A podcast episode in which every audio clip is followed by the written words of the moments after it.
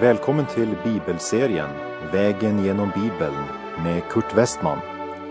Vi håller nu på med Domarboken. Slå gärna upp din bibel och följ med.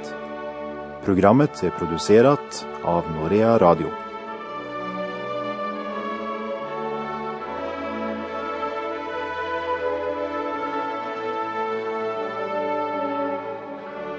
Vi har nu kommit till vers 23 i Domarbokens sextonde kapitel. Vi avslutade förra programmet med att Simson somnade in i Delailas knä. Och så hade hon kallat till sig en filisté som på hennes befallning skar av de sju flätorna på hans huvud. Därmed hade Simson brutit alla tre nasirlöftena. Och Delaila började nu få makt över honom och hans styrka vek ifrån honom. Och filisterna binder Simson. De stack ut hans ögon och därefter förde de honom ner till Gaza och band honom med kopparkedjor. Och han var tvungen att tjänstgöra som dragdjur i fängelset och dra kvarnen som malde säd. Därefter så anställer de en stor offerfest åt sin gud Dagon och ger Dagon äran för att Simson blivit fångad. Men i fängelset har Simsons huvudhår åter börjat växa ut igen. Och vi läser ifrån Domarbokens sextonde kapitel, verserna 23 till och med 27 och filisternas hövdingar församlade sig för att anställa en stor offerfest åt sin gud Dagon och göra sig glada. Ty det sade, vår Gud har gett vår fiende Simson i vår hand.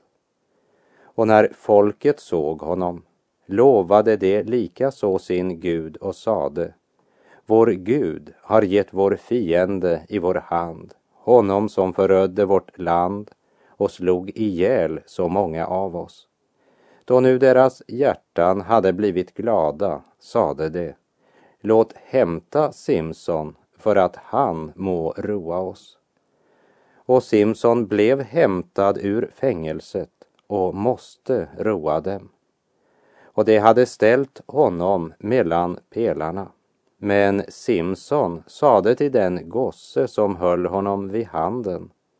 Släpp mig och låt mig komma in till pelarna som huset vilar på, så att jag får luta mig mot dem.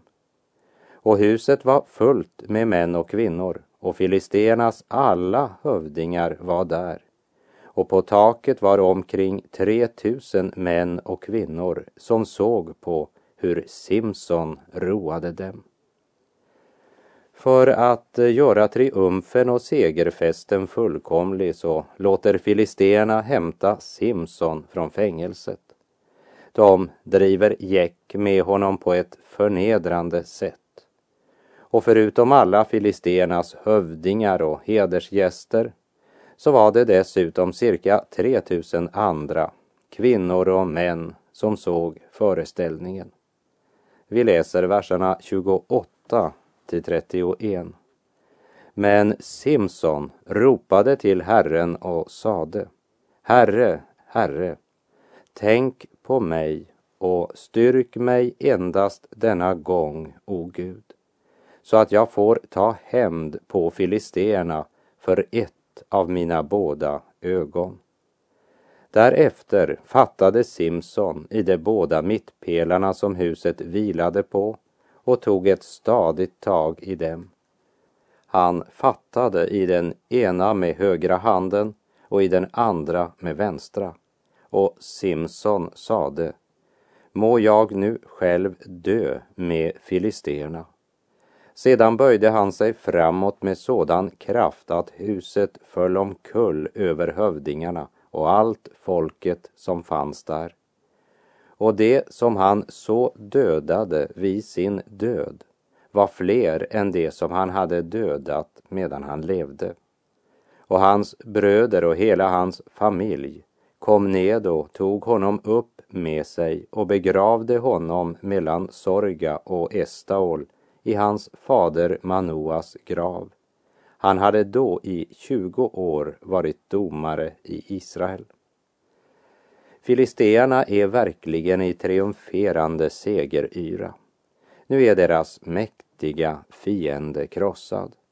Och de anar inte att deras avgudsfest inte bara förlöjligar Simson, men hånar även Simsons Gud. Hånet ökar, hånskratten blir högre och högre och de anar inte att på denna triumfens höjd är deras undergång nära. Simson har förfelat sin tid, missbrukat sin utrustning och låtit sitt liv bindas och förblindas av synden så att det till sist också kostar honom hans lekamliga ögon. Och resultatet blir att Guds namn blir vanärat och hånat bland filisterna. Simson påbörjade befriandet av Israel, men han misslyckades. Det blev självlivet och synden som fick hans krafter. Och han lekte med synden till dess att Guds ande vek ifrån honom. Men då var hjärtat redan så bundet i synden att han inte själv var klar över att Herren vek ifrån honom. För hemligheten med Simsons styrka, det var att Guds ande var över honom. Men, som det stod i vers 20, när han då vaknade upp ur sömnen tänkte han, jag gör mig väl fri nu som de förra gångerna och skakar mig loss. Ty han visste inte att Herren hade vikit ifrån honom. Simson levde ett liv i synd.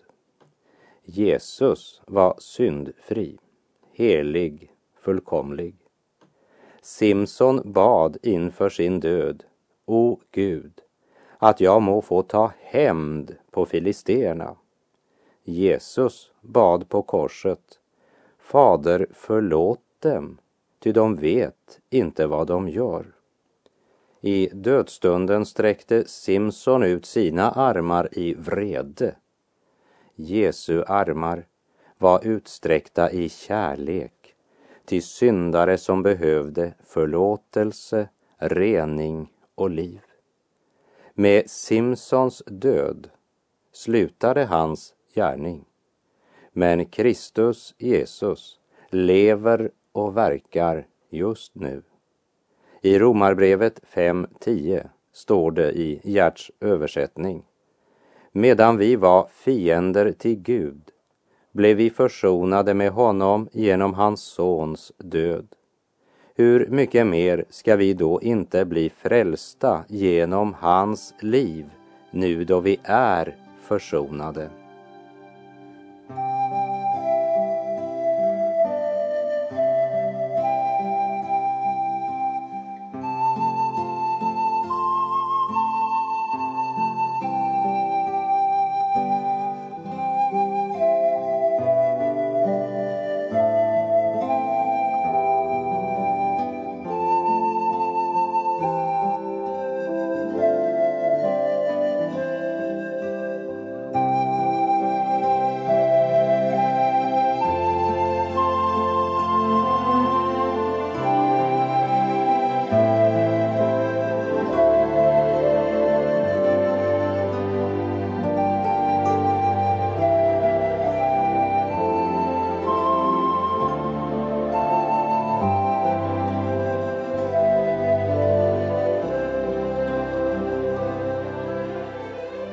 Därmed har vi kommit till Domarbokens sista avsnitt som omfattar kapitlen 17 till och med 21. Som vi minns från programmet som inledde vandringen genom Domarboken så har Domarboken fått sitt namn från de tolv män och en kvinna som tjänade som domare i Israel i perioden mellan Josua död och fram till den tid då Gud uppreste profeten Samuel. Vem som är domarbokens författare förblir en hemlighet. Många förtolkare menar att det kan vara profeten Samuel. Den blev i alla fall sannolikt skriven under monarkins tid eftersom frasen ”vid den tiden fanns ingen kung i Israel” återkommer flera gånger. Domarbokens tema handlar om ständiga avfall och om Guds förunderliga nåd i återuppbyggandet. The New Scofield Bible sätter som tema för domarboken nederlag och förlossning, vilket är en mycket god beskrivning av bokens huvudtema. I domarboken är nationen Israels historia nerskriven från Josua död och till Samuel, som var den siste av domarna och den förste av profeterna.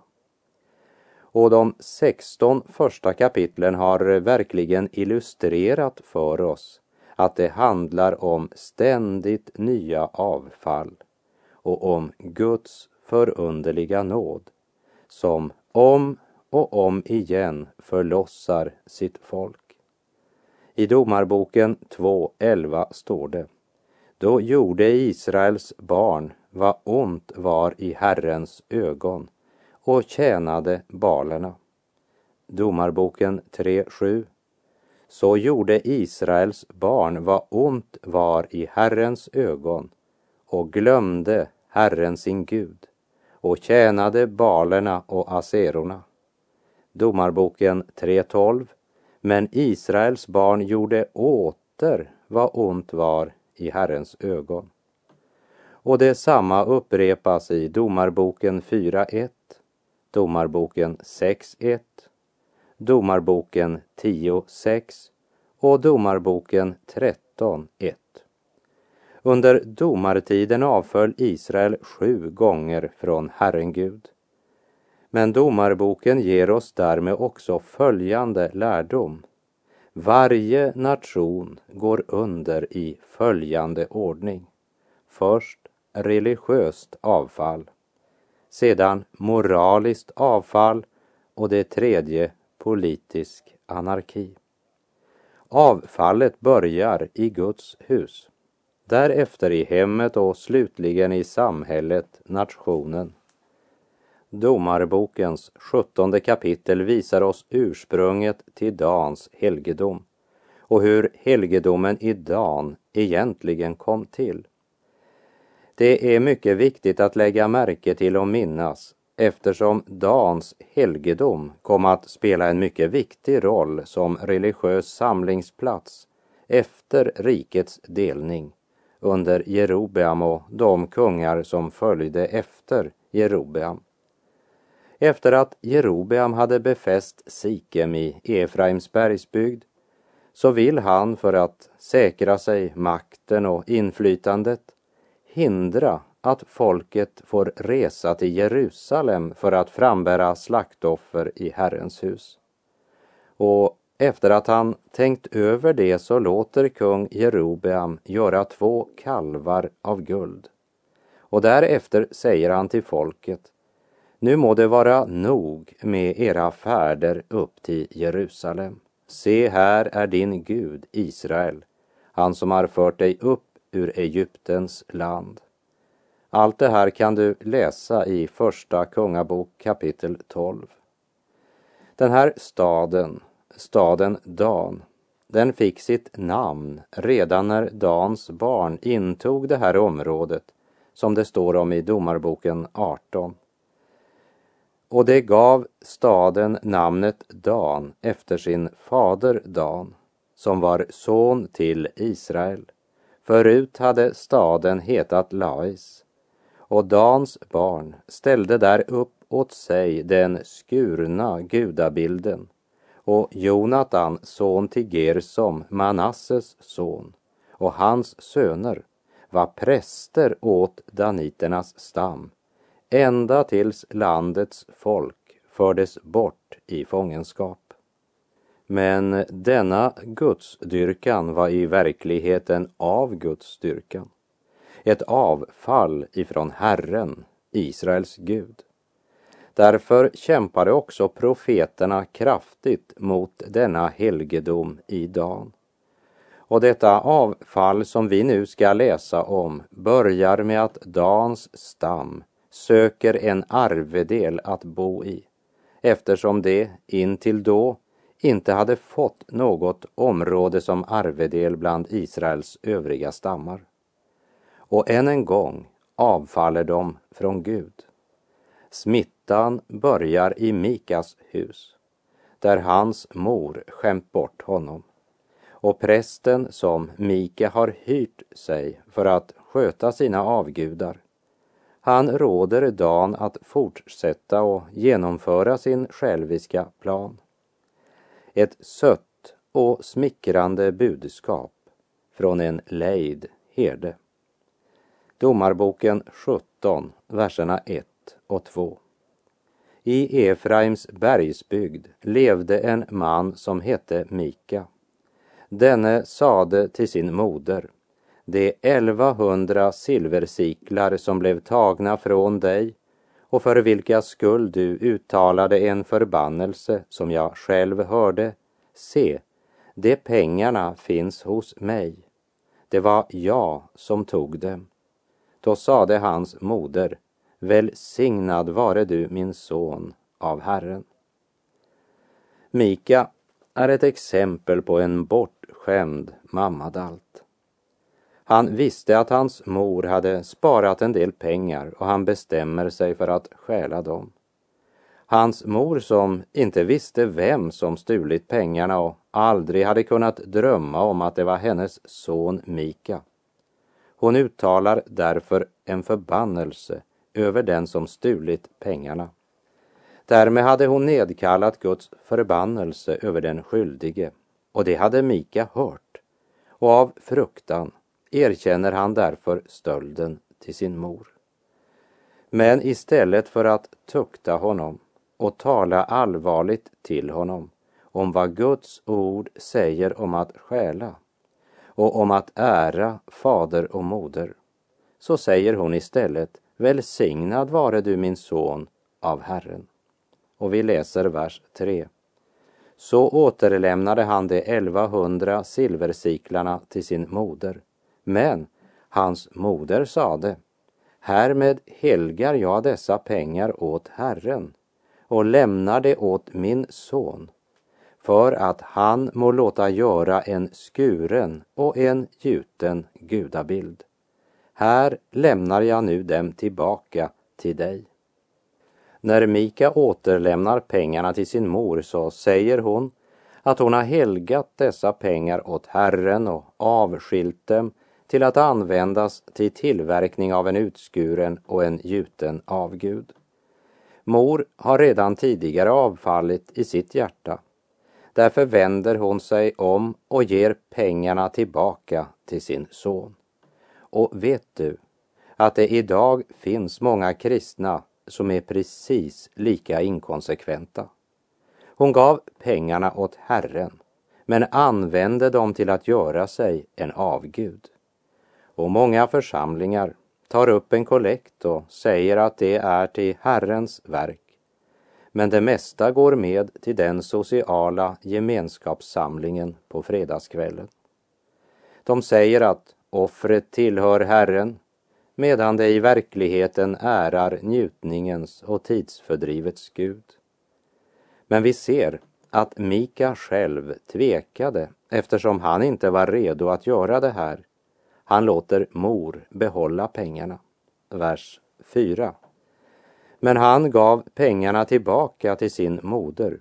Då tog hans moder 200 siklar silver och gav dem åt en guldsmed och denne gjorde av dem en skuren och en gjuten gudabild, vilka sedan ställdes in i Mikas hus.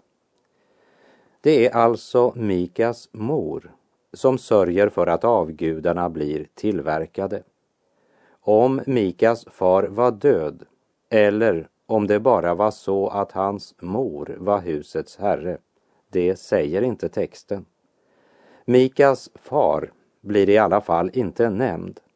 Och Mika låter sig påverkas, även om han inte själv låter göra avgudabilderna, så tillåter han sin mor att sätta upp avgudarna och därmed är Mikas hus ett gudahus.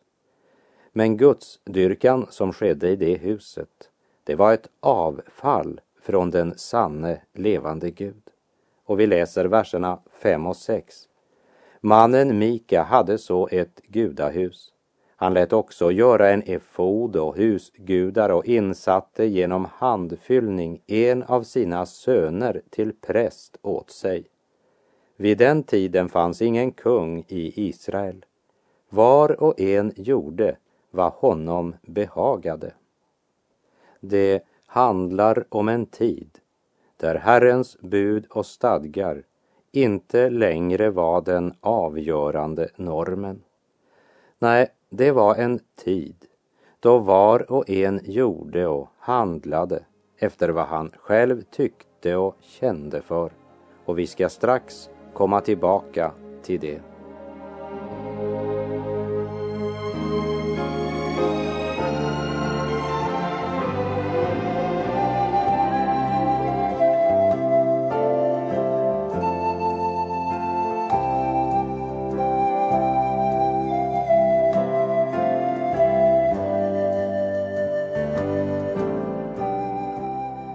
Gud hade sagt att endast den som var av Levi stam kunde göra tjänst som präst.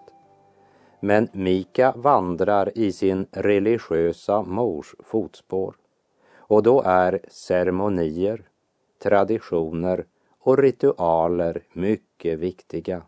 Men sanningen, ordet från Gud, uppenbarelsen är inte så viktig. Om han inte är levit precis så varför skulle han vara mindre duktig? Skulle inte han kunna göra samma sak som leviten? Men det skulle inte vara en levit därför att de passade bättre, men därför att Gud hade sagt det, att det skulle vara en levit. Samtidigt måste vi nämna att det var ju ingen hjälp att det var en levit om han gjorde sin tjänst på människors villkor och inte i tro till Gud och hans bud och stadgar. Vi läser Domarboken 17, verserna 7 till och med 10. I Betlehem i Juda levde då en ung man av Judas släkt. Han var levit och bodde där som främling. Denne man vandrade bort från sin stad Betlehem i Juda för att se om han skulle finna någon annan ort där han kunde bo. Och under sin färd kom han till Efraims bergsbygd, fram till Mikas hus. Då frågade Mika honom, varifrån kommer du? Han svarade honom, jag är en levit från Betlehem i Juda och jag befinner mig nu på vandring för att se om jag hittar någon annan ort där jag kan bo. Mika sade till honom, stanna kvar hos mig och bli fader och präst åt mig, så ska jag årligen ge dig tio siklar silver och vad kläder du behöver och dessutom din föda. Då följde leviten med honom. Det är ju uppenbart att Mika visste att det endast var leviter som kunde tjäna som präster och det måste ju ha besvärat hans samvete, men inte nog till att han omvände sig. Så när den här arbetslediga, kringvandrande pastorn passerar hans hus så bestämmer han sig för att köpa hans tjänster. Att Gud aldrig givit order om något gudshus på den här platsen är inget hinder för denna kringströvande levit. I alla fall inte efter att han fått erbjudandet från Mika om tio siklar silver årligen, plus kläder, plus fri kost. Då bestämmer sig leviten för att följa Mika. Det hördes ju bra ut. Leviten från Betlehem blev hans privata präst. Här är en präst som är en präst eller pastor som blir en springgrabb för ett kyrkoråd, en föreningsstyrelse, ett äldsteråd eller en liten grupp. Gud bevare de församlingar som har sådana präster och pastorer. Denne levit har nu blivit präst och gör tjänst i ett hus fullt av avgudar. Och vi läser verserna 11 till och med 13. Och leviten gick med på att stanna hos mannen och denne behandlade den unge mannen som sin son. Och Mika insatte leviten genom handfyllning så att den unge mannen blev präst åt honom. Och han var sedan kvar i Mikas hus. Och Mika sade, nu vet jag att Herren ska göra mig gott eftersom jag har fått leviten till präst. Det här kapitlet avslöjar verkligen hur djupt nationen Israel hade sjunkit andligen. Här är en man som inbillar sig att bara för att han fått en levit till präst så är allt som det ska. Och han sörjer för att insätta honom genom handfyllning. Så den rituella sidan, den är han noggrann med. Men hur tragiskt är det väl inte med den jordiska tankegången i andlig verksamhet? Tankegången där allt som Gud kan ge upptar hjärtat mer än vad Gud har sagt. För där är hjärtats mål jordisk välgång och då blir givaren bara medlet med vilket man uppnår välsignelsen. Och sådan tro blir oftast övermodig och säker. Nu vet jag att Herren ska göra mig gott. Denna form för gudstyrkan är ganska vanlig, där människan har satt sig själv och sina mänskliga behov i centrum. Där blir Gud en tjänare för vår lycka och vår framtid. Men Gud låter inte jäcka sig. Även om han är långmodig och tålmodig. När människorna i sin egoistiska religiositet har förvillat sig långt bort från den sanna gudstyrkan. Och det är tragiskt att måste säga det, men det är många, många som dyrkar Gud på det sättet idag och i Jesu namn dansar runt guldkalven. Och med det så är tiden ute för den här gången. På återhörande om du vill. Herren vare med dig. Må hans välsignelse vila över dig. Gud är god.